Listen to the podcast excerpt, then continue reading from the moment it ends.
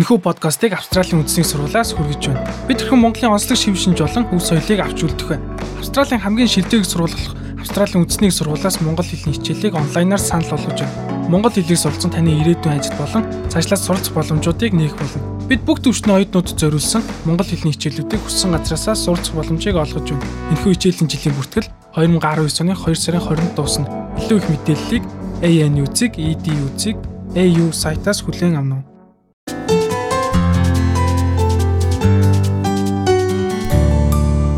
Сайн бацгаана уу? Монголчууд та бүхнийхээ энэ өдрийн амгаланг айлтган мэдчилж байна. Та бүхэндээ мөн шинэ жилийн баярын мэндийг хүргэе. Австрали улсад амьдрахад хэрэгтэй мэдээллийг олгодог оршин суух хөтжийнхөө 2019 оны анхны дугаарыг та бүхэндээ хүрэхэд бэлэн болсон байна. Бидний амьдралд интернетийн үзүүлж байгаа нөлөө өдрөөс өдөрт нэмэгдэж байгаа лээ. Бид ажиллаа хийх, юм худалдан авах, тоглоом тоглох, найз нөхөд болон гэр бүлийнхэнтэйгээ интернетийг ашиглаж харилцдаг. Гэхдээ австралчууд донд онлайн залиланд өртөж байгаа хүмүүсийн тоо өдрөөс өдөрт нэмэгдсээр байна. Австралийн засгийн газраас зохион байгуулдаг Stay Smart Online 7 хоногийн өдөрлөг хэрэглэгчдийг үүнээс хэрхэн сэргийлэх мөн энэхүү асуудлыг сануулгах зорилготой явагддаг.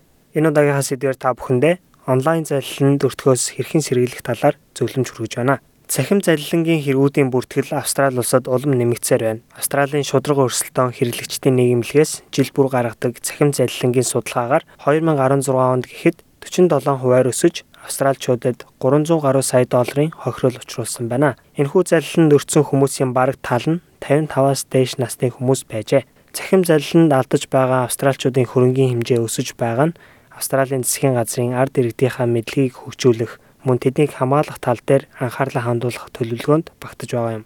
Олон улсын Интерпол хоёр төрлийн цахим залиланг бас тодорхойлсон байна. Эхнийх нь advanced буюу дэвшилтэд компьютерийн эд анги болон компьютерийн програмуудад хаалтаж байгаа хэрэгүүд ордог байна.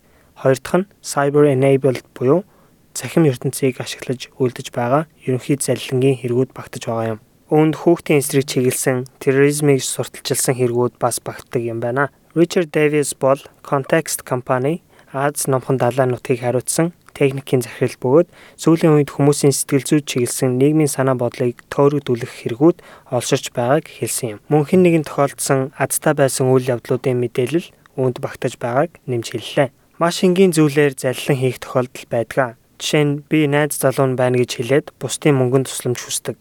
Ихэнх тохиолдолд хуу хүмүүс үнд нийтгээд хэсэг хугацааны дараа нийгмээс хэдэн зуун мянган доллар цуглуулсан байдаг. Ransomware буюу хувь хүний мэдээлэлд компьютерийг ашиглаж нэвтэрч уг мэдээлэлд нэвтрэхийг нь хаадаг. Хэрэглэгчдийг өөрсдийнхөө мэдээллийг буцаагаад нээлттэй болгохыг хүсэж байгаа бол төлбөр өгөх зааварчилгааг бас явуулдаг. Өнгөрсөн жил дэлхийд даяар энэхүү залилан олон хүнийг хохиросон байна. WannaCry буюу би уйлмаар байна гэсэн ransomware Австрали улсаас гадна 150 гаруй улсад хүмүүсийн хувийн мэдээлэлд халдсан хэрэг гарчээ. Мельбурн хотын цахим аюулгүй байдлын тэнхимийн захирал Стас Фиштенски тайлбарллаа. Хин нэгэн таны компьютер дээрх бичиг баримт жишээлбэл гэр бүлийн зураг гэх мэт мэдээлэлд халдаж буцаагаад сэргээхэд маш бага хэмжээний мөнгө нэхэмжилдэг. Маш олон хүмүүс төлбөрийн төлжөгдөг. Яг гэвэл гэр бүлийнх нь дурсгалтай зүйлс бүгд алга болох эрсдэлтэй болдог. Цахим залилан нөртгөөс сэргийлэхийн тулд та өөрийнхөө ерөнхий мэдлэгээ ашиглах талаар Стас Фиштенски тайлбарллаа. Бодит амьдрал дээр аливаа нэг зүйл үнэн гэхэд хитрхий сайхан байдаг шүү дээ. Иймэрхүү зүйлс л таныг заллах оролдлого байж магадгүй юм аа. Хин нэгэн тань дээр ирээд 100 долларт цоошин iPhone утас өгж байна гэвэл таныг заллах оролдлого гэж ойлгож болно. Таны компьютерт таны мэдэхгүй газраас ямар нэгэн мэдээлэл ирэхэд тухайн холбоосоор орох эсвэл тухайн файлыг уншуулахгүй байх хэрэгтэй. WannaCry ransomware бол хүн бүр компьютерийнхаа програмуудыг шинжилж байх хэрэгтэйг сануулсан үйл явдал болсон хэмээн цахим аюулгүй байдлыг хангах тухайн үеийн сайд Дан Тэхан тайлбарллаа. Миний бодлоор энэ хүн бүрд цочрол үзүүлсэн үйл явдал болсон. Засгийн газрын хилцүүд мөн агентлагууд мөн бизнесийн орчинд уулзалтууд дээр энэ талаар хүмүүстэй мэдлэг олгож өөрсдийгөө мөн гэр бүлээ хамгаалах тал дээр бүх зүйлийг хийх шаардлагатайг ойлгуулсан гэж би боддог. Өдөрт хэрэглэгдэж байгаа кредит картны гүйлгээ цахим ертөнцид сая саяараа явагддаг.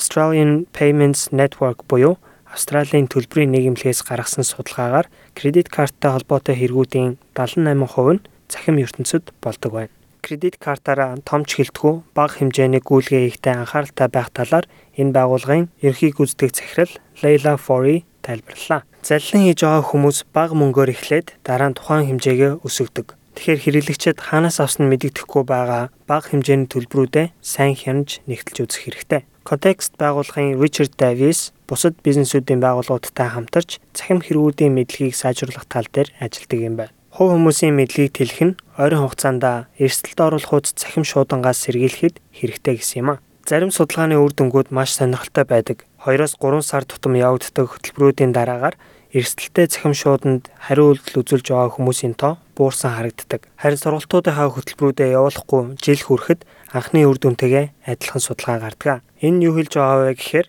цаг хугацаа өнгөрөхөд хүмүүс олж авсан мэдлэгээ мартсан эсвэл мэдлэг нь сайжраагүй байдгийг илэрхийлж байгаа юм а. Англи хэл төрлөх хэл нь биш хүмүүс цахим хэрэгүүдийн талаар ойлгох тал дээр нэмэлт асуудлуудтай тулгардаг. Стас Фиштинский саяхан Мельбурнд байрлах Орос гаралтай еврей хүмүүсийн цуглаан дээр очиж үгэлсэн байна.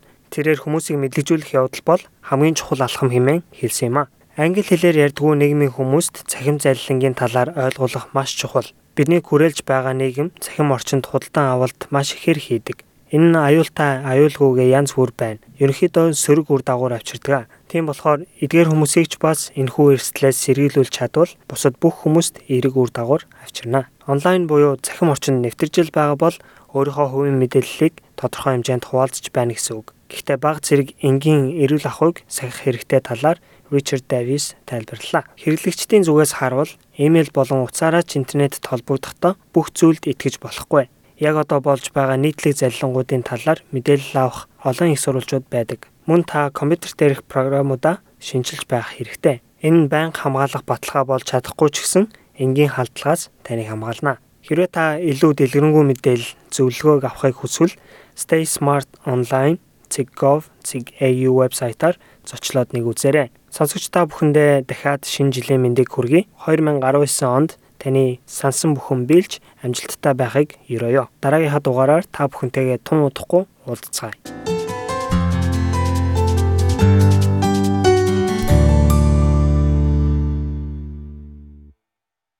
Энэхүү подкастыг Австралийн үндэсний сургуулиас хүргэж байна.